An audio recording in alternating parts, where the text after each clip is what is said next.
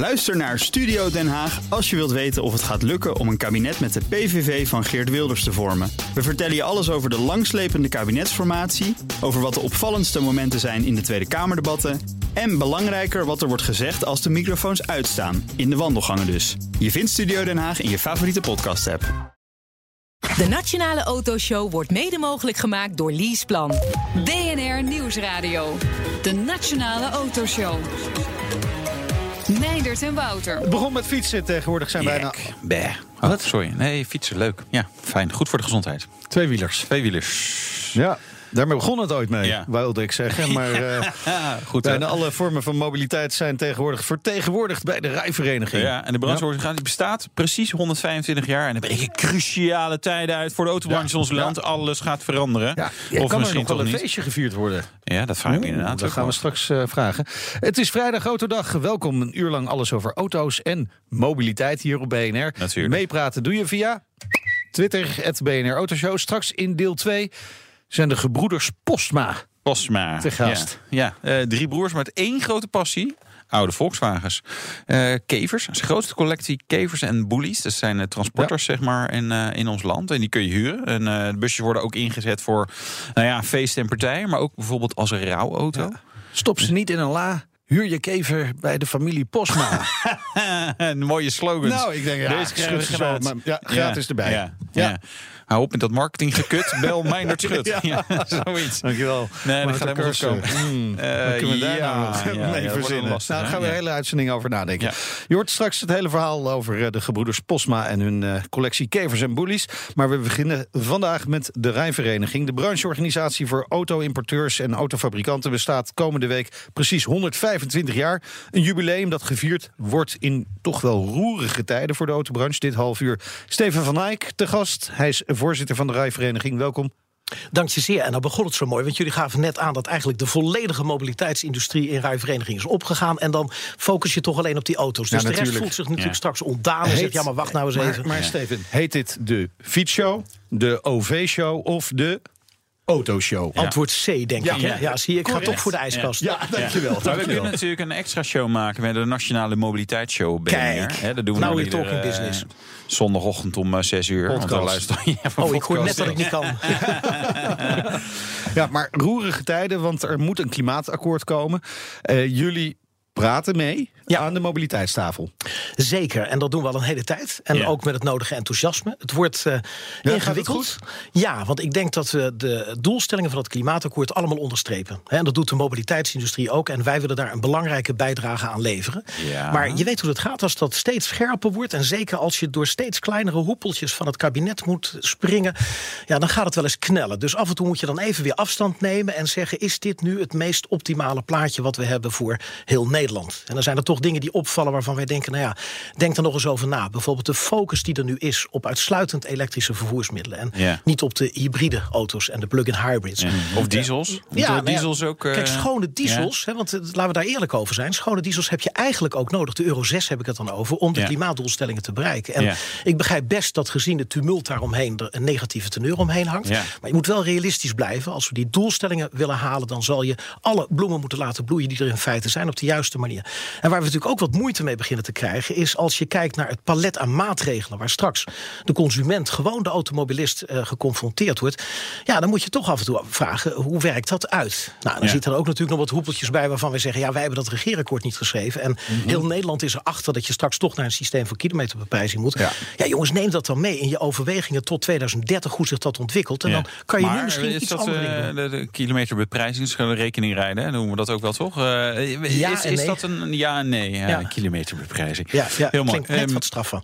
maar ehm, hoezo is dat eh, out of the question? Ehm, nou, dat- kijk, dit, kabinet, het, eh, het, staat gewoon in het regeerakkoord. Ja. ja. Dus het kabinet heeft gezegd, en dat begrijp dus- ik. Er stonden wel meer dingen in het regeerakkoord en er niet in. En die zijn toch gebeurd. Dus ja, Ja, ah, who nou, cares? Maar, maar het, het maken van een draai is niet eenvoudig. En om nu te Ja. zeggen van ja, nee? eigenlijk heeft heel Nederland gelijk en moeten we die draai maken. Ja. Ik denk overigens dat het kabinet wel met een voorstel gaat komen om in ieder geval in 2019 een studie te gaan doen. Hoe we nou, je, kan ook niet gelijk doen. We gaan volgend jaar een studie doen. Wa- Waarschijnlijk komt er een commissie bij. Ja. Nee, maar ik, denk- ik denk dat ze dus wel gaan aangeven van dit is onvermijdelijk. Want als je naar het simpele feit kijkt dat als we straks elektrisch gaan rijden... en dat gaat uiteindelijk massaal gebeuren... Ja. Dan sta je niet meer te tanken. Dus de Nee. BTW die komt niet meer binnen. De accijns komt niet meer binnen. Maar ook de motorrijtuigbelasting, de BPM. Dus van die 21 miljard die de automobilist ophoest... verdwijnt er straks per jaar 12, 13 miljard. Ja. Nou, dan kan je gewoon twee, drie Ja. departementen sluiten. Dat willen we ook niet. Dus, Nou, dus je nou, maar Toch we- wel? we- we- nou, ja, ik bedoel, want dan is de, de, de klimaat, eh, zeg maar, eh, de verandering van het klimaat is afgewend. We hoeven ook minder in dijken en zo eh, te investeren. Dus nou, ik weet je, dat komt helemaal goed. Ja, En- ik hoor je toch iets Trumpiaans waarvan Ja, ik niet denk dat wij het uitkomen. Maar ehm, ehm, ehm, wa- waar, waar moet het dan wel heen? Want je hebt over hoepeltjes die kleiner worden. En wat, wat, waar, waar moeten jullie ruimte krijgen van, eh, vinden jullie zelf? Op een paar vlakken. Hè. Ja. In het huidige model knelt het. Eh, het knelt bijvoorbeeld omdat je opeens een enorme subsidie gaat geven aan mensen die een eh, elektrische auto zouden kunnen kopen. Die nu- 6000 euro. Ja, en die auto's die zijn, weet ik het, 39.000 is volgens mij de goedkoopste nu. Terwijl een gewone auto, zeg maar, die kost 9.000 euro. Dus Ja. je praat wel over een bepaalde groep mensen die dat dan Ja. krijgt. De groep die dat moet ophoesten, dat zijn natuurlijk toch de mensen die diesel rijden, die benzine Hè. Die Ja. gaan innovatietoeslagen betalen, die gaan een verhoogde motorrijtuigenbelasting, de diesel- en de benzineaccijns gaat omhoog. Dus die koopkrachtplaatjes, daar moeten we wel met elkaar over hebben. En die marktverstoring die nu wordt ingezet, daar moeten we ons goed van realiseren. Is dat het vliegwiel wat we op deze manier willen aanzetten? in feite zeg je, dit is gewoon onacceptabel. Nou, ik zeg niet onacceptabel, maar er moet heel scherp worden nagedacht of dit de meest optimale manier is. Ja. om En de de antwoord doelstellingen van daarop het CO2. Ik denk dat het beter kan. En als je dat zegt, hè, dat doen wij als rijvereniging, Ja. dan moet je ook stoer zijn. Dan moet ook zeggen, nou, laat dan maar zien hoe. Ja, Dus nou, wij we zijn hebben benieuwd. Nou, Ja. we hebben nog, eh, hoe lang hebben we nog deze uitzending? Nou, we hebben nog even, ja, tijd zat. Nee, kijk, wij hebben een, een aantal dingen gezegd... die moet je toch nog eens even goed tegen het licht houden. Ik noemde er al een paar van. Je moet ook naar andere vervoersmodaliteiten kijken... dan alleen maar naar die elektrische Ja. auto's. Ja. Dat is Twee, je zou toch eens moeten kijken of het systeem van kilometerbeprijzing... Hè, rekening rijden, Ja, dat net dat je dat toch eh, meeweegt in het feit dat je vanaf 2025 vrijwel zeker weet... dat je die kant op gaat. Nou, Ja. je moet ook kijken of je minder marktverstoring kan creëren. Bijvoorbeeld richting het buitenland. In het model nu zit een verhoging van de aanschafbelasting. Dat is niet de BPM, dat is een aparte heffing die erbij komt van 350 euro. Ja. We willen van die parallele import juist af. Want dat zijn niet de schoonste auto's. nou, Maar goed, en- en- dat soort stond, dingen. het stond vanmorgen weer in het Financieel Dagblad. De schone auto's gaan juist weer het land uit. Ja, dus per saldo ben je gewoon slecht af. We moeten dus heel scherp kijken welke maatregelen moet je nemen om te zorgen dat het gedrag zo wordt beïnvloed dat je doelstelling wordt gerealiseerd. En dat is het terugdringen van die CO2-uitstoot. En daar hebben wij vragen bij. Dus we hebben een aantal kanttekeningen geplaatst. We hebben nu gezegd, wij nemen het op ons om in de komende maanden dat te laten doorrekenen. Dat is het alternatieve plan van Rijvereniging.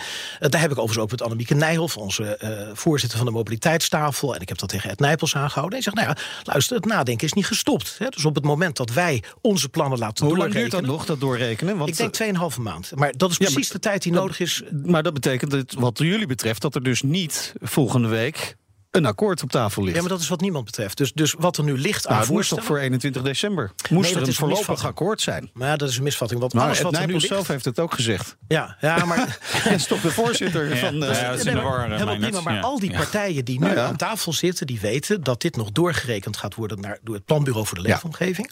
Er gaat daarna worden gekeken Nee, wat precies, gebeurt met koopkrachtplaatjes. Daarna gaat de Tweede Kamer zich hier nog tegenaan bemoeien. En Nou, Oké, maar dan is het een beetje een principe kwestie wat een akkoord is. Het akkoord van de tafels, daar ging het om. Ja, ja, dat en zou ten aanzien- 21 december klaar zijn. Ja, en die tafel is eigenlijk zo goed als klaar. Wij hebben ook gezegd, en daarom zitten we ook nog steeds aan tafel... als je de hoepeltjes neemt die de overheid heeft aangebracht... ja, als je daar allemaal doorheen moet springen... dan is dit misschien de meest optimale uitkomst die er te bedenken is. Maar laten we het nog eens even rustig hebben met elkaar over die hoepels. En in dat stadium Ja. hebben wij gezegd... nemen we de ruimte om de komende anderhalf, twee maanden door te Maar, maar komt er voor die tijd ook geen handtekening van de rijvereniging? Er zijn überhaupt geen handtekeningen te plaatsen... omdat er nog helemaal geen sprake is van een Nee. Dus Nee. dat, dat is even En- de misvatting. Ja, en je zegt, we zitten nog aan tafel. Ja, ik ik proef daarin iets dat het niet helemaal van harte gaat meer. Nou, ik heb natuurlijk wel een brief geschreven aan het kabinet om mee te geven dat er een aantal eh, hele serieuze zaken zijn die we nu echt even voor de kijker moeten krijgen. Om te zorgen dat we onze samenleving niet iets aandoen waar we later spijt van krijgen. En als dat wel gebeurt, Ja, blijf je dan wel aan van die tafel zitten? Nee, maar goed. Ja. Nou ja, als het zo is dat wij met een alternatief plan komen... wat de CO2-reductie meer eh, verkleint, hè, of meer vergroot eh, dan wat er nu ligt... als het tegen lagere maatschappelijke kosten kan... en als ook de marktverstoring minder is... ja, dan kan je er niet omheen. En dan denk ik dat zo'n kabinet ook zal zeggen... Ja, hartelijk dank, dan gaan we liever met dat plan En, en dat plan, dat houdt waarschijnlijk in kilometerbeprijzing op CO2-uitstoot. Onder andere, Ja? eh, maar dat is niet alles. Want eh, vergeet ook niet dat je een aantal bijeffecten hebt van die kilometerprijzen die uitermate aantrekkelijk zijn. Hè. Allereerst krijg je die CO2-uitstoot die veel meer omlaag gaat. Ten tweede krijg je dat je de overheidsinkomsten op peil houdt. En ten derde, want dat hebben we door Refnex laten berekenen, zie je dat er ook minder gereden gaat worden. Ongeveer 11% minder als je de eh, huidige BPM en de MRB omzet in een kilometerbeprijzing. En dat betekent dat je ook nog eens de files oplost. Een drieklapper. Nou, daar gaan we het straks toch nog maar even over hebben... hoe Steven van Eyck dan voor wil zorgen dat dit kabinet die draai wil gaan maken. Eh, je bent er maar druk mee. Er moet ook nog een deltaplan mobiliteit eh, komen. Je hoort zo waarom. BNR Nieuwsradio. BNR, de Nationale Autoshow. Wouter is inmiddels in slaap gevallen. Maar misschien krijgen we wakker voor het nieuwsoverzicht van deze week. Ja, daar word ik altijd wild enthousiast Nou, van. Dus eh, daar gaan we Maar sowieso, Wouter, autorijden. Het gaat heel rustig worden op de weg straks. Ja. Want autorijden wordt weer voor de elite. Ja, mooi. Goed. Horen wij daartoe? Ja, ik denk het wel. Sowieso, Bij, eh, het de wel. top. Nou, er is een percentage te vinden waar wij in de top zitten qua, eh, qua iets, denk Ja. ik. Ja. Ik weet nog niet wat. Nee, maar het dat toch goed. dingen. Ja, nee, dat sowieso. Maar het is toch goed dat gewoon niet zomaar iedereen een auto kan nemen. Nee, Laat die mensen maar gewoon de openbaar vervoer nemen. Ja, weet je. Dus, eh, maar goed, het is een waarschuwing van de Europese Organisatie voor de Autobranche. Je verwacht hem niet, de ACEA. Met een waarschuwing over de CO2-regels van Europa. hè. Die, die CO2-uitstoot van auto's moet naar beneden. En ja, dat is wel gewoon heel erg duur om dat te doen. Belasting erop ook. Ja, weet je, en als dat doorzet. Ze zeggen, ze- auto's worden veel duurder. ja, heel veel duurder. maar niet veel een beetje veel duurder. Ja, en, en bij de kleine goedkope auto's, die kan je op een gegeven moment gewoon niet meer maken. Want die gaan gewoon nooit aan de eisen kunnen voldoen. Oké. Dus luister en huiver. Nou, Ja, lekker is dat. Ja. Eh, overigens iemand die zeker bij de auto-elite behoort tegenwoordig. zo zou je hem wel kunnen, Nou. kunnen kwalificeren. Bram Schot. De Nederlander ja, wordt de grote baas van Audi AG. Hij was al interim CEO, CEO na eh, arrestatie van Rupert Ja. Stadler. Het is vanwege Dieselgate. Ehm het is een geboren Rotterdammer. Nou, Hij werkt sinds 2011 voor de Volkswagen Groep. Nee, het is natuurlijk wel heel gaaf. Dit Zeker. is, nee, ja, dit is, dit is, dit de top. De top der top. Zeker. In, in ieder geval eh, qua auto's dan. Ja, overigens, over Volkswagen gesproken. We hebben weer een schandaaltje. Schandaal Ja, ze hebben ehm, ja, pre-productieauto's verkocht eh, tussen 2006 en 2018. Iets van 7000 stuks. Ja, wat ik hier een beetje bijzonder aan vind. Ik weet van andere fabrikanten die dat ook doen. Dus dit lijkt wel een beetje op Hmm. Maar, Volkswagen. maar- wat is daar precies verkeerd aan? Mm, eh, de, de kwaliteit kan anders Ja, kan- of wat kan. minder zijn. Maar ze kunnen hem ook Eh, gekeurd hebben en zeggen... nou, eigenlijk kies je gewoon goed. Ja, daarom. Ik verkopen weet je, die handel. Ja, ja ik, ik, ik kan hier eh, net niks mee. En ik denk, nou ja, Want normaal 7000 worden preproductieauto's worden vernietigd. va- vaak vernietigd, Ja, maar ook weer niet altijd. is dat dan? Nee, niet. Niet. Nee, Nee, maar andere, ik weet van andere merken. Kijk, bijvoorbeeld eh, heb je een introductie van een auto ergens in Spanje. En die auto's die worden daar natuurlijk helemaal afgebuld. En daarna gewoon in de shredder gegooid. achter het stuur. Eh, maar ook van andere merken, die foto's kun je ook wel terugzien. Zie je dan gewoon al op Nederlands kentekenplaten. En die auto's die komen gewoon naar Nederland. Want dat is gewoon de, de, de demo die in Nederland gaat Ja. rijden. Dus weet je, ehm, er wordt wel met verschillende maten gemeten. En pre- de ene preproductie is het andere preproductie. Dat niet. is ook weer waar. Dan de ANWB kwam de deze week ANWB, met zo. een monitor elektrisch rijden. Nou, nou, ja. En? Hè? Nou, dus 62% Een van de. Nederlanders vinden de, de elektrische auto nog te duur. Maar binnen vijf jaar wil 4,2 miljoen Nederlanders overwegen een elektrische auto te kopen. En dat is natuurlijk fantastisch nieuws, want we verkopen normaal maar eh 400.000 nieuwe auto's op jaarbasis. Nou, ik even snel gerekend, 4,2 gedeeld door 5, dat is al 800.000.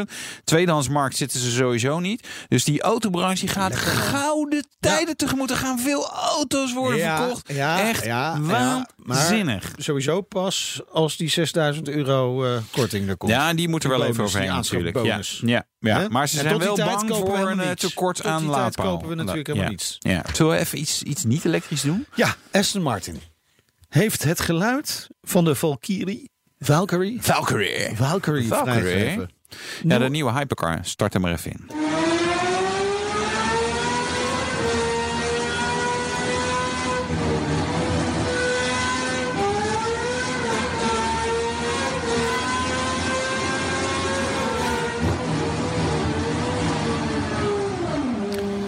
Wil je daar nog iets zinnigs over zeggen? Ja, nou, ik, ik denk van, joh, als je zo'n gaaf blok eh, kan bouwen, waarom eh, zet je dat dan ook niet even in, in de wagen van Max Verstappen dan? Hè? Want natuurlijk Aston Martin eh, Ja, Racing, hè? ja, Red Bull ja, ja. Power, maar dat is natuurlijk niet zo. Maar ja, dat is heel gaaf.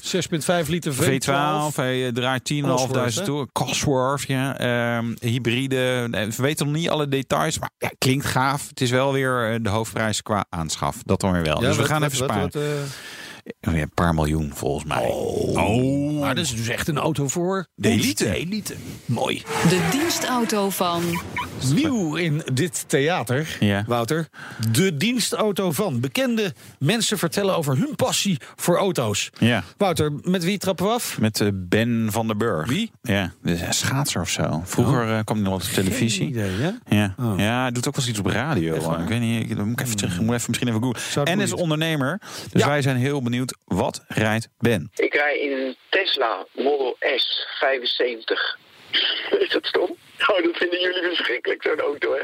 Nee, dat is echt ideaal. Ik heb hem alleen maar gekocht op de Autopilot. Ik heb getest op Autopilot. Autopilot is zo fijn. Jongen, ik rijd iedere dag van Soest naar Alkmaar. Het scheelt mij 50% in energie. Dat ik gewoon minder energie hoef te verbruiken, want ik hoef geen auto te rijden. Ja, volgens mij heeft hij zat energie trouwens, Ben van den Burg. Nou, en wat natuurlijk scheelt is dat je niet eh, fatsoenlijk kan bellen in zo'n eh, Model S. Want echt geluidskwaliteit. Dit was denk ik via zijn kar echt verschrikkelijk. Nee, ik heb, dit heb ik zelden zo slecht gehoord. Dus nee, ja, joh, hij is er blij mee. Hey, Ja. Fantastisch, joh. Nou, geweldig. je bent ook heel onderscheidend. Want er zijn bijna geen andere ondernemers die een Tesla Nee. rijden vanwege de lage bijtelling. Als het om auto's gaat, is Ben wel een beetje een boefje. hè? Eigenlijk al vanaf het begin dat hij de weg op mag. Ik Fiat Ritmo 60L. Oh, heerlijke auto. Ging ik mee crossen. Maar mijn zus had een huis in de Belgische Ardennen. Dan gingen we rally rijden en met, en met, je, met je handrem. Handrem ging je, was geweldig. Maar wat ook mooi was, mijn vriend had een keer, die, eh, had hij dan, kon die dagen kopen die, van die snelle auto's huren, had hij een Lamborghini. En dan gingen we een dag crossen met een Lamborghini. En dan gingen we ook stilstaan op de snelweg. En dan in één keer optrekken naar 310. Ja, dat was echt in Duitsland, jongens, in Duitsland. Nog is allemaal toestaan. En toen kwam op een, op een parkeerterrein kwam er een jongetje naar ons toe. En die zat echt van, dit is de mooiste auto. Die ik ik heb dat helemaal hysterisch dat hij die auto mooi vond. Dus ik niet meer die auto zitten. En ik had echt zo van, dit is de lelijkste auto die er echt bestaat. Mooi. En, zei hij Ik nou vind van dat enthousiasme vind ik Ja, wel leuk. ja. Maar ik heb wel de indruk dat hij het een beetje over zichzelf als jong Nou, dat, ja. Toch? Ja, dat had ik inderdaad wel, ja. kleine ja. Ben. Ja, nou, laten we maar door naar de volgende laatste vraag. Wat zou Ben nog heel graag een keer met zijn auto willen doen? Nou, wat ik heel graag zou willen doen, is met mijn Tesla naar Vladivostok rijden. Ja, en dat doe ik natuurlijk. Ik kom daar nooit aan, want dat kan helemaal niet met je Tesla. Maar het lijkt me gewoon super grappig dat je in die remote eh, gebieden komt, in die remote plaatsjes waar je gewoon drie dagen aan het opladen bent. met zonnepanelen, want dat schiet natuurlijk allemaal niet op. Ja, het lijkt me geweldig om, eh, eh, om dat met mijn Tesla te doen. Nou, ik denk dat dat best geregeld kan worden. De- ja, denk ik, gewoon, gewoon een aggregaat achterop met zo'n Ja, zo'n een dieselaggregaat. crowdfunding actie. Wie wil Ben naar Vladivostok? Ja, maar gewoon Tesla. roadtrip naar Vladivostok zou ik op zich best graag met hem meegaan. Want dat is wel tof. BNR Nieuwsradio. De Nationale Autoshow. De gast is Steven van Eyck, voorzitter van de Rijvereniging. We hadden het over eh, eh, ja, rekeningrijden. Zo blijven wij het gewoon noemen, toch Wouter? Rekeningrijden. Ja, nou, er is nog een mooie eufemistische Betalen term voor. voor het, eh, gebruik. ja, en, en de deltaplan mobiliteit. eh, die, die term heb ik je ook wel eens uit, eh, uit de kast horen trekken. Ja, ja dat is, dat dat is is iets wat anders. Dat klinkt, ja, maar dat klinkt altijd wel... kilometerprijs. Ja, maar, maar- maar, maar het klinkt heel even- stoer. Het is ook heel stoer. Daar gaan we het dan zo over hebben. Toch eerst even naar die kilometerprijzing. Want eh, heel veel maatschappelijke organisaties, ook de Rijvereniging, zeggen... dat moet er gewoon gaan komen. Dit kabinet heeft in het regeerakkoord gezegd... dat gaan we niet doen. In ieder geval niet voor personenvervoer. Ja. Die draai, die, die, die gaan ze dus niet maken. Nee, dit kabinet gaat het niet invoeren. Maar dat Ehm, is toch eigenlijk nee, idioot? maar dat kan ook niet. Dat zou ook een veel te niet? korte Waarom niet? termijn Ze zijn. zijn toch wel eerder een draai gemaakt. Dividendbelasting bijvoorbeeld. Ja, ik, ik ben Ja, natuurlijk is geen hier van politicus, geld dus- eh, beschikbaar om, om, om iets te financieren qua rekeningrijden. Ja. Nou nee, het, het geld wat je uiteindelijk eh, krijgt is, is eh, voldoende om de infrastructuur te betalen en ook nog departementen overeind te houden. Dus de overgang naar het systeem van kilometerbeprijzing is een hele logisch. En het klopt, hè, bij de mobiliteitstafel, dus er zitten toch zo'n 24 partijen aan tafel, is dit echt het punt wat unaniem gedragen is. Dus elk elke organisatie die daar zit heeft gezegd. En de provincies hebben een voorbehoud gemaakt, omdat die natuurlijk ook in de politiek Ja. eh, even eh, op de rem moeten trappen. Maar de rest heeft allemaal gezegd: dit, dit moet er uiteindelijk Ja. komen. En niet alleen die, maar ook een ANWB eh, heeft gezegd van dat moet er komen. Die hebben alleen wel gezegd van pas wel op dat je niet met een spitsuurheffing aan de gang gaat. Daar zit Nee, Nederland ja, te wachten. Mee eens, hè, maar een dalurenkorting, dat klinkt al een stuk aantrekkelijker. Dus ja, dat ligt maar aan hoe je dat ja, uiteindelijk precies. Ja. Maar het is voor een politieke partij die deel uitmaakt van een regeerakkoord, waar je al met z'n vieren in zit, natuurlijk onvoorstelbaar lastig om een draai te maken. Nou, hier Ja, we het over de VVD natuurlijk. Nou, de VVD is wel de partij. Ja, ook Ja, niet helemaal. Nou ja, Nou, de CDA heeft misschien ook wat moeite mee, maar die andere twee partijen die, die, Nee, maar de VVD die, die is doen daar- lachend natuurlijk die draai maken. Ik, ik, mij het- lijkt, ik weet dat bijvoorbeeld tijdens het grote festival, het congres van de VVD, het afgelopen congres, eh, hebben de Groene Liberalen die hebben een motie ingebracht die de strekking heeft dat de Tweede Kamerfractie nu moet gaan onderzoeken of een systeem van kilometerbewijzen mogelijk Ja. is. Die is aangenomen. Oké, Die ja. is gewoon ter plekke. Ja. Dus ook de VVD heeft nu de opdracht aan de Tweede Kamerfractie gegeven van ga daar nou eens naar kijken. Dus ik ik denk dat bij de politiek eigenlijk iedereen wel weet dat we deze kant op moeten. Maar, Maar, maar waarom gebeurt het dan toch niet? Alleen maar omdat het in het regeerakkoord staat? Dat is toch idioot? nee, het regeerakkoord is niet idioot. Dat is wel iets wat men heeft afgesproken. Dus, dat men, men, die, ja, vandaar dat we aan het de- zoeken zijn naar met teksten de waar we mee kennis van kunnen nu leven kunnen we dan zeggen... Ja. eh, politici weten wat het is om te draaien. Hè, Rutte heeft Ik het ook gedaan niet met de dividendbelasting. En hier kan, of of is, heeft het daarmee te maken dat hij die draai niet meer kan maken nu? Het dat lijkt hij niet mij- nog een keer gezichtsverlies kan leiden? Nee, het lijkt me dat hij eerder heeft laten zien dat op het moment dat eh, zeg maar voortschrijdend inzicht met zich meebrengt dat je een ander standpunt in moet nemen, dat hij Mhm. Ja. dat wel degelijk doet. Ja. En dat vind ik bijvoorbeeld met dividendbelasting, maar met andere zaken ook het geval. Dus als hij inhoudelijke argumenten heeft om dit te gaan doen, ja, dan komt het er wel van. En Nou, een inhoudelijk argument is volgens mij dat heel Nederland dat Ja, wil, precies, maar ja. ook dat de drie klappen die je krijgt als je dat systeem van kilometerbewijzing invoert, dat je dat als Nederlandse samenleving moet willen. Dus ik denk dat het nu een kwestie is van nou, even ik, samen waar, ik- waar moeite mee heb, is de verwoording van ja, daar kunnen we. eh, hè, de overheid haalt nu zoveel miljarden binnen met eh, mobiliteit. Hè, accijnzen die vrij hoog zijn, eh, BPM die hoog is, nou noem maar op. Eh, en dat dat zou moeten blijven. Dat, denk, dat vind ik nou niet, een- niet een gegeven in deze wereld. Waarom eh, zou. Het is, het is, de overheid zou geen, is geen commercieel bedrijf die zijn omzet op peil moet houden. Sterker nog, eigenlijk zou je zeg maar, een krimpende overheid willen die minder, minder besteedt. Dus Ja. dat vind ik niet het beste argument. En Nee, ik ben wel erger. een beetje bang dat het, het rupsje nooit genoeg eh, weer door blijft Ja, gaan. daar zit natuurlijk ook een, een punt wat eh, pijn zou kunnen doen bij de overheid. Het plan wat wij hebben uitgewerkt. Het omzetten van de motorrijtuigbelasting en de BPM, dus de aanschafbelasting van de auto, naar kilometerbeprijzing, levert een, eh, eh, een vermindering van de autobelasting van 2,8 miljard op. Dus Ja. die gaan omlaag. Maar als je doorgaat op de ingeslagen weg. En je ziet dat er steeds meer elektrisch wordt gereden, verliest de overheid 10,8 miljard. Dus Ja. ons plan is inderdaad dat Nederland minder belasting gaat betalen.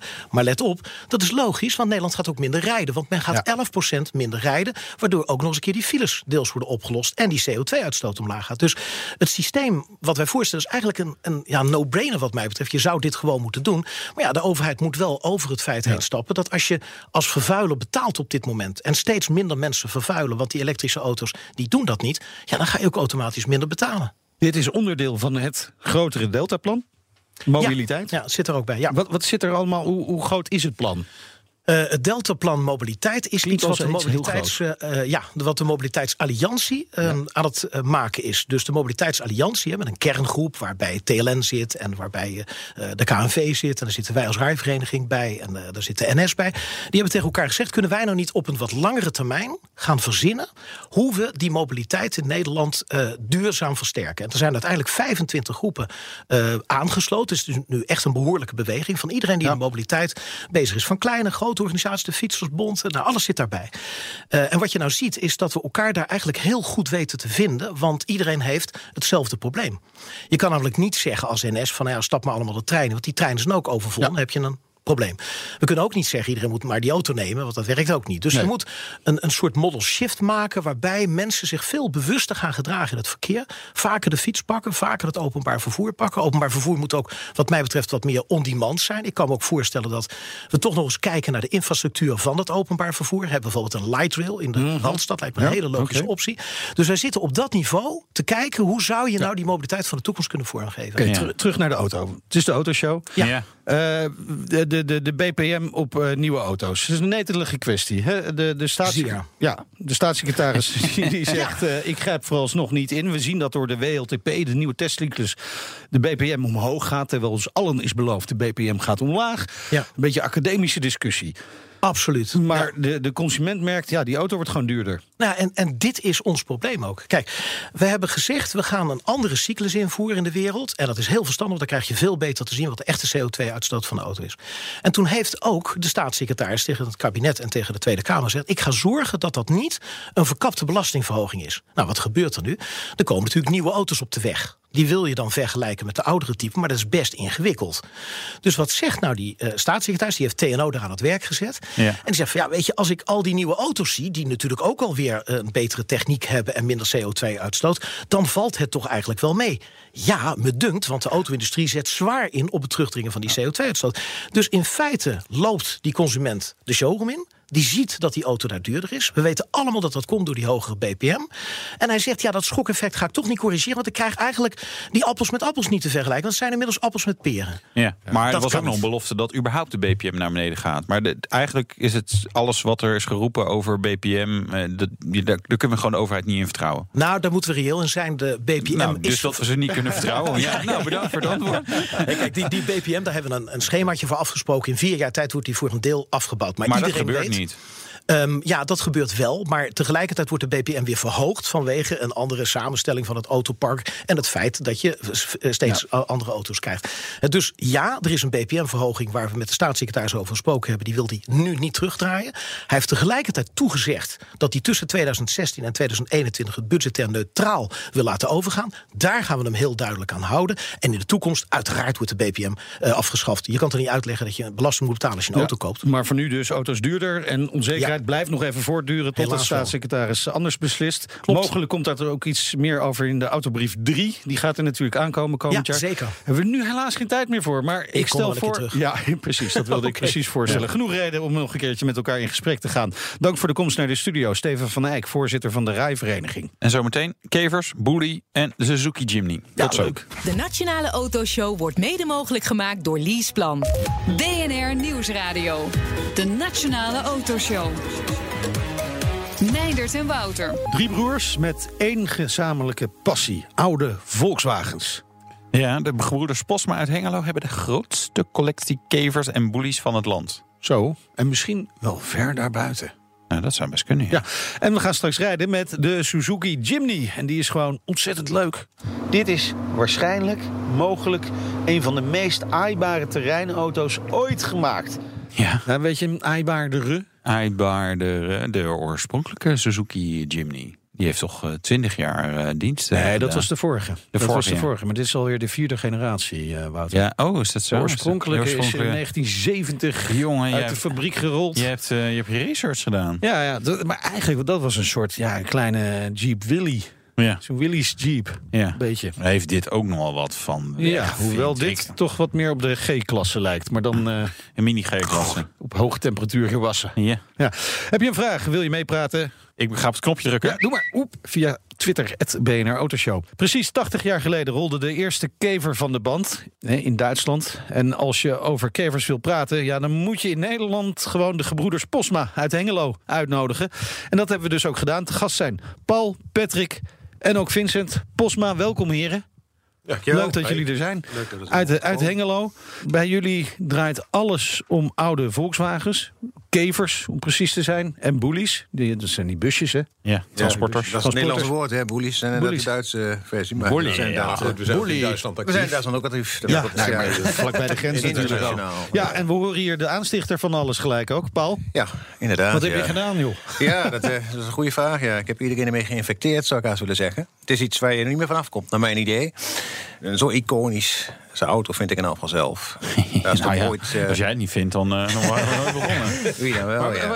eh, wat, wat, is de, wat is de charme dan van... van want het is, ja, het zijn massaproducten. Ja, nou ja, ik ik- bedoel altijd soms wel een beetje... Denk, ja, eh, ja, dit is Wat niet- is het? Ja. Ja, het is een combinatie van, denk ik. Het is eh, het uiterlijk, maar het is ook natuurlijk eh, het geluid wat het maakt. Dat, eh, hoor je nog steeds van heel veel mensen. En ook klanten van mij die zeggen: ja, dat, dat is wat ik wil horen. Ik wil niet dat moderne eh, gedoe hebben. Ik wil gewoon iets, iets hebben uit die tijd. En dat herinneren ze zich ook. ook. Dat zie je ook dat mensen daarna op zoek gaan. Eigenlijk een stukje uit het verleden weer terug te halen. Op die En jij zoog de andere broers mee.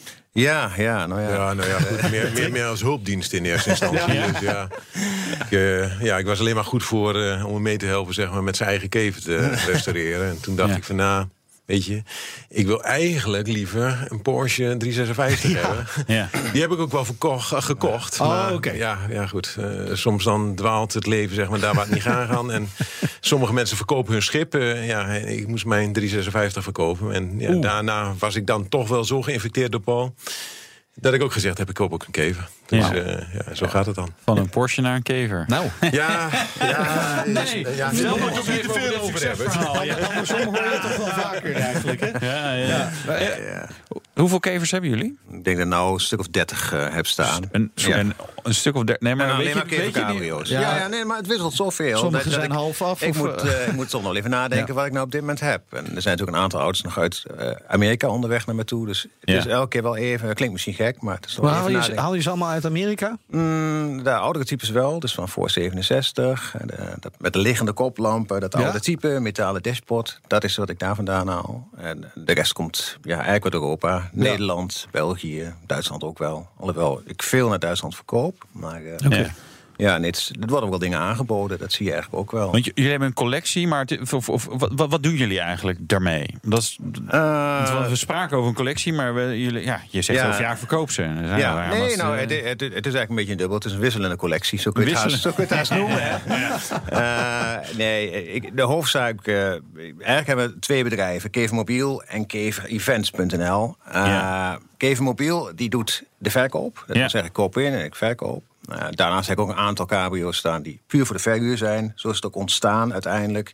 Uh, ik vuurde af en toe wat uh, met twee broers, Patrick en Vincent, die uh, dachten van nou, dat is hartstikke leuk. Weet, kunnen we er wel iets meer mee doen dan alleen de losse verhuur bijvoorbeeld voor trouwpartijen. Ja, toen hebben ze uiteindelijk die events bedacht. Dat, dat, is, dat is eigenlijk ons ding dan, eh, zo Ja. gezegd. Ja, daar Ja. moet Paul met zijn vingers vanaf Oh, blijven. ja. Nou, eh, wat zijn die events dan Eh, nee, nee, Kever Events is eigenlijk een organisatie die eh, heeft gemeend om eh, de, de rally, de Classic Car Rally, hè, wel bekend onder de, de meeste Ja. mensen, om die dan toch ook bij je in huis te brengen.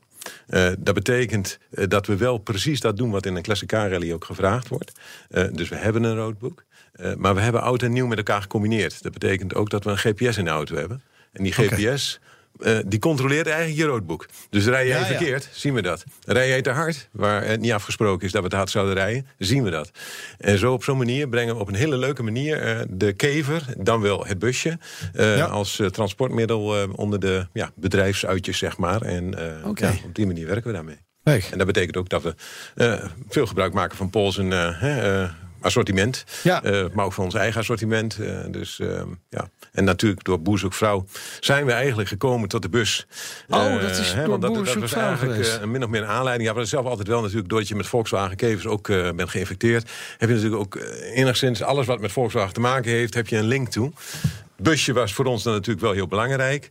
Ehm, ja, doordat mm, Boerzoekvrouw zeg maar Ja, daarmee maar ik, werkte. ik moet me even uitleggen hoor, want ik ben niet zo'n kijker eh, Ja. naar Boer zoekt vrouw. Jij wel, hè, Wouter? Jij Nee, zit dat, elke zijn- keer nee, ja, op dat de zijn- boeren die een vrouw zoeken. Dat is ongeveer het niveau wat ik ervan weet. Ja, precies. Ik heb het echt nog nooit is altijd gezien. het verhelderende Ja, nee, nee, commentaar van Wouter. Ja, Ja, ja, ja, televisie. ja, Ja, via, jammer. ja. Nee, ik heb echt nog nooit. Ik heb echt letterlijk nog nooit één Nee, minuut van dat programma gezien. Nee, nee, nou ja, goed. Yvonne Jasper, eh, Ja, die. de presentator, eh, presentatrice, Ja. ehm, die eh, ging dan altijd bij de boeren langs met. Nou ja, dat doet ze nu niet meer trouwens over, maar deed dat eh, toen de tijd wel met een busje. Ja. En eh, ja, daardoor werd bij ons de verhuurvraag, zeg maar, die ging van Echt hier waar? toch wel daar naartoe. Ja, we zijn ook diverse keren op zo'n eh, ja, zo'n locatie geweest waar ze dan een event had. Eh, ja, en dat zorgde ervoor dat we natuurlijk, ja, niet alleen boeren overigens, maar ook gewone mensen het echt heel erg leuk Ah, vonden. boeren zijn ook om, net gewone mensen. Ja, Ja, dat is soms wel. Zo Maar dus, ja, de- Ja, ja, Wat? stel je vraag. Ja, zeg maar. Ja, In- in- vertel. Nou ja, ik, begrijp het met zo'n Kever Cabrio is een leuke trouwauto natuurlijk en eh, dergelijke. Maar eh, er komt soms ook een einde aan het leven. Ik begrijp dat jullie ook rouwauto's leveren. Ja, dat is eh, inderdaad dat is heel specifiek. dat is, eh, ja, was, was nooit onze bedoeling. Hè? Zo komen er dingen op je pad waarvan Ja. je denkt van... goh, eh, is dat ooit de bedoeling geweest? Ik, ik weet nog steeds eh, heel goed. Ik, ik liep in de macro, kreeg een telefoontje van een meisje... eh, waarvan de moeder, of nee, van het meisje zelf heel erg ziek was. Oh. En ehm, ja, dat zijn dan dingen die, eh, ja, die gaan je toch wel eh, niet eh, zomaar voorbij. Nee. En ze vroeg toen van, goh ja, ik eh, heb kanker. eh, ik ben aan het einde van mijn leven, maar ik heb nog één wens. En ik wil graag in die auto begraven worden. Wauw. Ja, dat zijn dan wel dingen nou, die gaan Nee, mij dan daar ook wel je aan. krijgt en dan, je krijgt er kippenvel kippenvel van. van. Ja. Eh, ja, en dan zeg je van ja, gaan we dat doen? Kunnen we dat doen? En dat heb ik dan ook open gespeeld, omdat die vraag voor mij natuurlijk ook die impact had. Maar ook daardoor Nieuw. ben ik er eh, open tegenover gestaan en gezegd van nou, oké, we gaan kijken of we dat kunnen realiseren. Ja. En zo is dat eigenlijk begonnen. Eh, met dat, ja, eh, klinkt heel wrang als je dat dan zo vertelt. Maar ja, eh, toen kwam van de ene begrafenis toch de andere begrafenis. Ja, ja. ja, ook in Nederland nee, gaan mensen goed, toch dood. Dus, ja, maar wel prachtig als je nog een laatste levenswens van iemand in vervulling kunt brengen op die manier. Paul, even naar iets, iets vrolijkers misschien. Die staat ook voor de deur hier. Een hele bijzondere kever. Namelijk eentje van zes meter lang. Ja. Een limo. Ja. ja, dat is inderdaad een heel bijzonder ding. Zelf gebouwd? of, Ik wil graag ja zeggen, maar ik neem geen eer voor iets wat ik niet gedaan Ja, heb. Eh, nee, ik heb hem uiteindelijk. Die auto heb ik ooit eens kunnen kopen bij een eh, limousinehandelaar in Nederland. Die had hem van iemand anders weer gekocht en die wilde er vanaf. En hij kon er eigenlijk niet meer mee, omdat hij puur ja, nieuwere limo's verkocht. En eh, had hij aan mij gedacht, mij gevraagd. Ik dacht, nou ja. Klonk wel interessant zoals je het vertelde, maar goed, ik denk, ik moet eerst maar eens even langs heen rijden, zien wat het uiteindelijk was. Ja, toen kwam ik eraan. Nou, het was eigenlijk een hele fale auto die eh, door de zon verbleekt was. En, Door de eh, zon? ja, ja, het bleek dat hij uit Las Vegas kwam. eh, Oh. Achteraf. Nou goed, ik had hem bekeken. Ik denk, ja, ik weet het eigenlijk niet. Ik deed de deur los, keek in de auto. Nou, ik, ik zag daar een televisie in, eh, een verlichte bar. ik denk, nou nee, dit is gewoon zo geweldig. Dat moet ik hebben. Nou, niet eens commercieel gedacht van wat kun je daarmee. Maar ik vond het gewoon zo leuk. Ik denk, die, Ja. die moet ik hebben. En zo is het uiteindelijk ook gebeurd. Ik heb hem meegenomen. Ik heb hem later helemaal uit elkaar gehaald. En van donkerblauw naar wit gespoten. Eh, en pas later hoorde ik eigenlijk het verhaal wat er aan, aan vast zat. En dat vond ik zelf al een heel grappig verhaal. Het, eh, het bleek dat deze auto inderdaad in Las Vegas gereden had. En dat er een, een Nederlander naar Las Vegas was geweest. Die had daar flink zitten gokken. Had een week lang gedaan. En eh, ja, na die week had hij kennelijk veel geld verdiend. en eh, hij liet zich vervoeren. Hij was het dus. Ja, ik heb het ook wel eens ja, geprobeerd. maar ja, eh, nee. dat, dat wist ik dus nog niet. Nou, toen bleek het eigenlijk dat aan het eind van de week had hij zoveel geld verdiend dat hij dacht: nou nee, ik, ik moet die auto mee hebben, want dat brengt mij geluk. Hij heeft die auto van die Amerikaan gekocht. Hij is met die auto naar het vliegveld gereden, heeft die auto in het vliegtuig gezet. Nou, dat heeft kapitaal gekost. Naar Nederland gevlogen en zo heeft hij mij een tijd lang in Nederland gehad. Daar heeft hij niet veel meer mee gedaan. Ja, uiteindelijk is hij dus Wauw. daar weggekomen. En kunnen mensen hem natuurlijk nu gewoon huren. Ja, nou kunnen ze hem huren. Ja.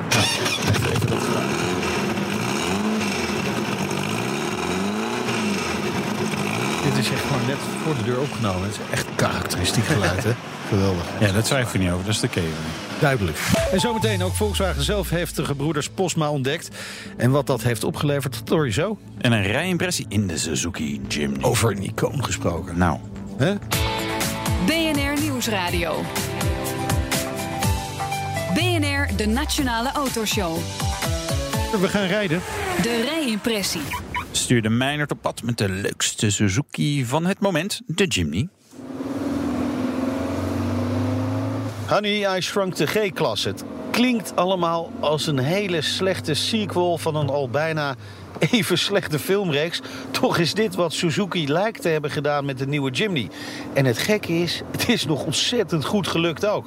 Dit is waarschijnlijk, mogelijk, een van de meest aaibare terreinauto's ooit gemaakt. Doet in zijn omvang en compromisloosheid vooral denken aan de oude Lada Niva. Maar dan wel met het retro gevoel van de nieuwe Mini of de nieuwe Fiat 500. Nou gaat de Jimny ook alweer bijna 50 jaar mee. Eerste kwam in 1970 uit de fabriek. Helemaal gemaakt voor het ruwe werk. Met een ladderchassis, inschakelbare vierwielaandrijving. Allemaal zeer functioneel en oldschool. En vermoedelijk is dat ook weer de reden voor Suzuki om de nieuwe Jimny zo'n stevige retro look te geven.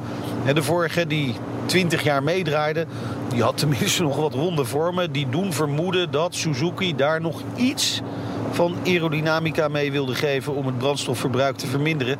Nou, bij de nieuwe is dat helemaal overboord gegooid. Allemaal rechte hoeken, bijna rechtopstaande vooruit. Ja, hiermee moet je echt door de lucht heen ploegen. Verschil met de G-klasse zijn eigenlijk niet de eigenschappen in het terrein. Daar, ja, daar staat de Jimny zijn mannetje wel. Eigenlijk kan die alles wel aan. En door die grote ramen heb je geweldig overzicht... waardoor je echt alle obstakels gewoon goed ziet aankomen. Zijramen aan de voorkant lopen ook aan de voorkant zelfs iets naar beneden... zodat je ook problemen in de hoeken goed kunt ontwijken. Maar ja, op het asfalt voelt de Jimny zich daarentegen niet helemaal thuis. Het is heus niet verschrikkelijk, je went er snel aan. Maar ja, het ontbreekt wel aan alle vormen ongeveer van stuurgevoel. En het is allemaal wat hobbelig. Eigenlijk precies zoals je van een goede terreinauto verwacht. Hij is voor één bepaalde functie gemaakt. Nou, het motorblok, 1,5 liter, 4 cilinder, 102 pk. Ja, moet je echt wel flink aan het werk zetten om een beetje vooruit te komen. In dit geval is die gekoppeld aan een vijftraps handbak waar je van die echt mooie grote slagen mee moet maken. Draagt allemaal bij aan het ouderwetse gevoel van de echte terreinauto. Op aanvraag, op aanvraag schijnt je ook een automaat te kunnen krijgen. Het interieur past ook helemaal bij de functie. Grote knoppen, veel hard, onverwoestbaar plastic. Zelfs de grote schroeven, als het tenminste schroeven zijn, ik denk eigenlijk van niet, zijn van plastic. In de luxere variant, deze dus, krijg je ook nog een 7-inch touchscreen voor de Navi en wat andere moderniteiten, zoals Bluetooth, collision warning zit er ook op bij deze. Ja, als je voor het echte werk gaat, dan laat je dat uh, lekker achterwege. Net als die optionele automaat, als je er dus lief om vraagt. Kost allemaal extra geld. En door zijn aerodynamisch onvriendelijke vorm en wat ouderwetse motor krijgt hij in Nederland een hoop CO2-straf. Vanaf prijs komt daardoor neer op 27.000 euro. Dat is een hoop geld voor een auto van nog geen 3,5 meter. Met automaat nog eens 8000 euro meer. En dat is natuurlijk gewoon heel veel. Maar ja, de nieuwe Jimny is ondanks zijn ruige karakter zo ontzettend lief.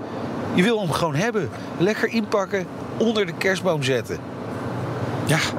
Hè? Past, heb je ook. zo'n, Past heb, je- ook. heb jij zo'n kerstboom? Ja, is helemaal niet zo grote nodig. ja, ik vind het een sympathieke auto. Onwijs, ja. Maar goed, qua CO2, het, het past helemaal niet in deze tijd natuurlijk. Maar we hebben net Steven van Eyck gehoord, die gaat die, eh, die BPM even fixen voor ons. Dus dan Oh. wordt hij betaalbaar, Ja, toch? Want ja. dit kost... Vanaf Ja. 27.000 euro. Ah, dit is, weet Ja. je, dat is niet oké, hè? Voor dit soort, ik bedoel, je kan zeggen hij is niet zo Nee, zuinig als een eh, Suzuki Nee, Alto. maar weet je, je kunt, je kunt eh, niet met goed fatsoen eh, kinderen in vervoeren achterin. Dat, Nee. Nou, hele kleine kinderen. Ja. Misschien kan het bij jou nog net. Ja. Bij mij eigenlijk al niet meer. Ah, joh. En, en, en je hebt gewoon geen laadbak. Nee. Ja, en, en toch is het een geinige auto. Het is echt een Maar- auto. En ik denk ook echt dat er mensen dit als tweede auto gaan kopen. Ja. Dat, dat- dat- Niet veel ik in denk dat Nederland. ze van de vorig eh, jaar er vijf hebben verkocht van het oude model. Ja. Ik denk dat ze dat minimaal gaan verdrievoudigen.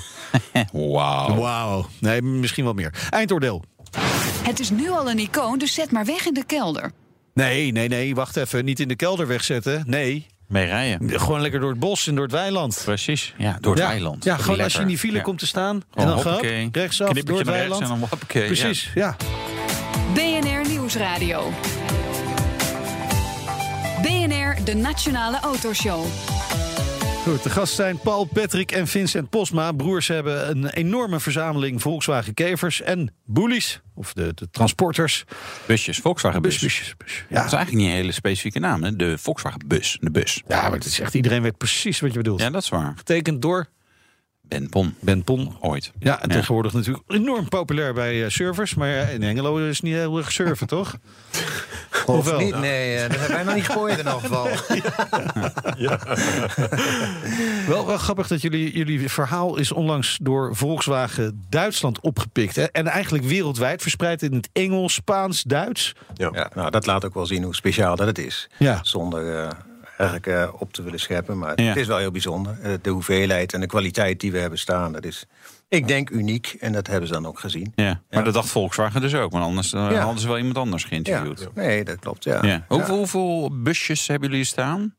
Ben je iets van, van 30 eh, kevers. Maar Ja. je bent het tel al kwijtgeraakt. Ja, eigenlijk. nou ja, goed. Nee, maar we hebben eh, ruim 15 eh, T2-busjes. Dan moet je ook nog Ja. het onderscheid Ja. maken Ja, hè, ja, tussen ja, T2 en T1. Ja. Dus 15 T2's Ja. en dan nog 10 T1's. Oké. Oké. Dus, eh, Ja. Dat is, dat is, en- en- 25, ik zou even helpen met Ja, ja, ja. ja. Maar, maar ik vind dat toch ongelooflijk. hè? Want er zijn eh, met name van die kevers zijn er natuurlijk pff, miljoenen gemaakt. Het is eigenlijk helemaal niet zo'n bijzondere auto qua aantallen dan, bedoel ik. Eh, kun je dat niet gewoon in Duitsland vinden, zo'n collectie? Ik begrijp er helemaal niks van. Ik denk niet, maar ik denk dat je een verschil moet maken... als je, als je het over de kevers hebt... eh, tussen kever cabrio's en de normale kevers. Ja, ja, hè? ja, Want ik- uit mijn hoofd, de cabrio's... volgens mij een half miljoen van gemaakt. En Ja, dat is toch heel een ander getal dan, Ja. eh, dan het de dichte kevers zijn geweest. dat Ja, is waar. Maar Ja. het is ook veel, half miljoen. Dat, is niet, Ja. dat maakt het eigenlijk hem, is niet een hele bijzondere auto. Ik Nee, even een beetje nee, maar wat is er overgebleven? Ja, dat, dat is, weet ik dat niet. is de tweede vraag. Ja, Ja. dat weet ik ook niet eigenlijk. Nee. Hè? Maar het wordt wel steeds moeilijker ze te vinden. dat dat merk ik wel. Ja, en Dat, eh, ja dat, eh, daarom is het natuurlijk ook zo speciaal. Ja. Ja. Waar hebben jullie het meeste mee? Met, met, met, met de busjes of met de kevers? Of verschilt dat nog per broer? Ja, misschien. dat verschilt dat denk, denk ik. ik Ik, ik, misschien ik, wel, ik ja. denk, ik denk dat hij meer kever... Paul is meer kever, zeg maar. En ik, ik ben meer busje. Ja. Eh, ja, goed, het busje is natuurlijk ook wel... ehm, ja, toch de T1. Dat is een busje, ja, dat, dat kent ook iedereen. En het mooie van een T1-busje is... je kunt in zo'n busje rijden. Hè, eh, en zo'n ding is best... Best wel duur, zeg maar, tegenwoordig. Ja. Ehm, En het rijdt best beroerd. Eh, Ja. ja, kun je Dat vind ik wel, Eh, ja. Je wordt, steen, je wordt steenkoud, ook dat nog. Het is gewoon Eh, lekker werken. Ja, het is werken, geen stuurbekracht, geen Nee, niks precies. zit erin. Eh, maar goed, iedereen zwaait nog wel leuk naar je. Kijk. Hè, En we hadden het net over dat andere merk, Ja. dat ik niet nog een keer zal herhalen. Maar da- daar wordt soms met afgunst en nijst naar gekeken. Zeg Doe maar, ik het wel. Ja. Hoe heeft hij dat gedaan? Hartstikke mooi. Prachtig verhaal. Krijgen jullie veel aandacht naar aanleiding van het internationale verhaal? Jullie zitten nu Ja. hier. Dat Ja. is onder andere Nou, ik, ik, ik doe het Duitse stuk van eh hè, Kever Events en uh, Kever Mobiel. Eh, en daar merk ik wel dat ik de contacten die we hebben liggen in, eh, in Duitsland... eh, dat ik daar vaak toch ook weer op terug aangesproken word. Eh, hè, dat, eh, ik heb, bel regelmatig met Wolfsburg om dan informatie te krijgen over verschillende bussen. En dan krijg ik positieve feedback daarover. Dus eh, ja, Hartstikke leuk. Heel veel succes met jullie eh, bedrijf en met de zoektocht nog naar Kever Cabrio's en ja. Bullies. ja, als iemand wat heeft, eh, Ja. laat hij altijd komen. Ik bedoel, Precies, eh, zo is dat. Dank voor jullie komst naar de studio. Paul, Patrick en Vincent Postma. Volgende week. Eh, geen idee wat we volgende Nou, week dan komt Remco Dijkstra van de VVD, de Vroompartij. Ja, Vroom is, die gaat vertellen dat de belasting omlaag gaat, denk ik. Hè? Eh, dit was een Nationale Auto Terugluisteren kan via site, app, iTunes, Spotify. Tips of vragen, mail naar auto.bnr.nl. Ik ben Meijnerd Schut. En ik ben Wouter Karsen. Top. Tot, tot volgende week. De Nationale Autoshow wordt mede mogelijk gemaakt door Leaseplan. Ook Bas van Werven vind je in de BNR-app. Ja, je kunt live naar mij en Iwan luisteren tijdens de ochtendspits. Je krijgt een melding van Breaking News. En niet alleen onze podcast Ochtendnieuws, maar alle BNR-podcasts vind je in de app. Download nu de gratis BNR-app en blijf scherp.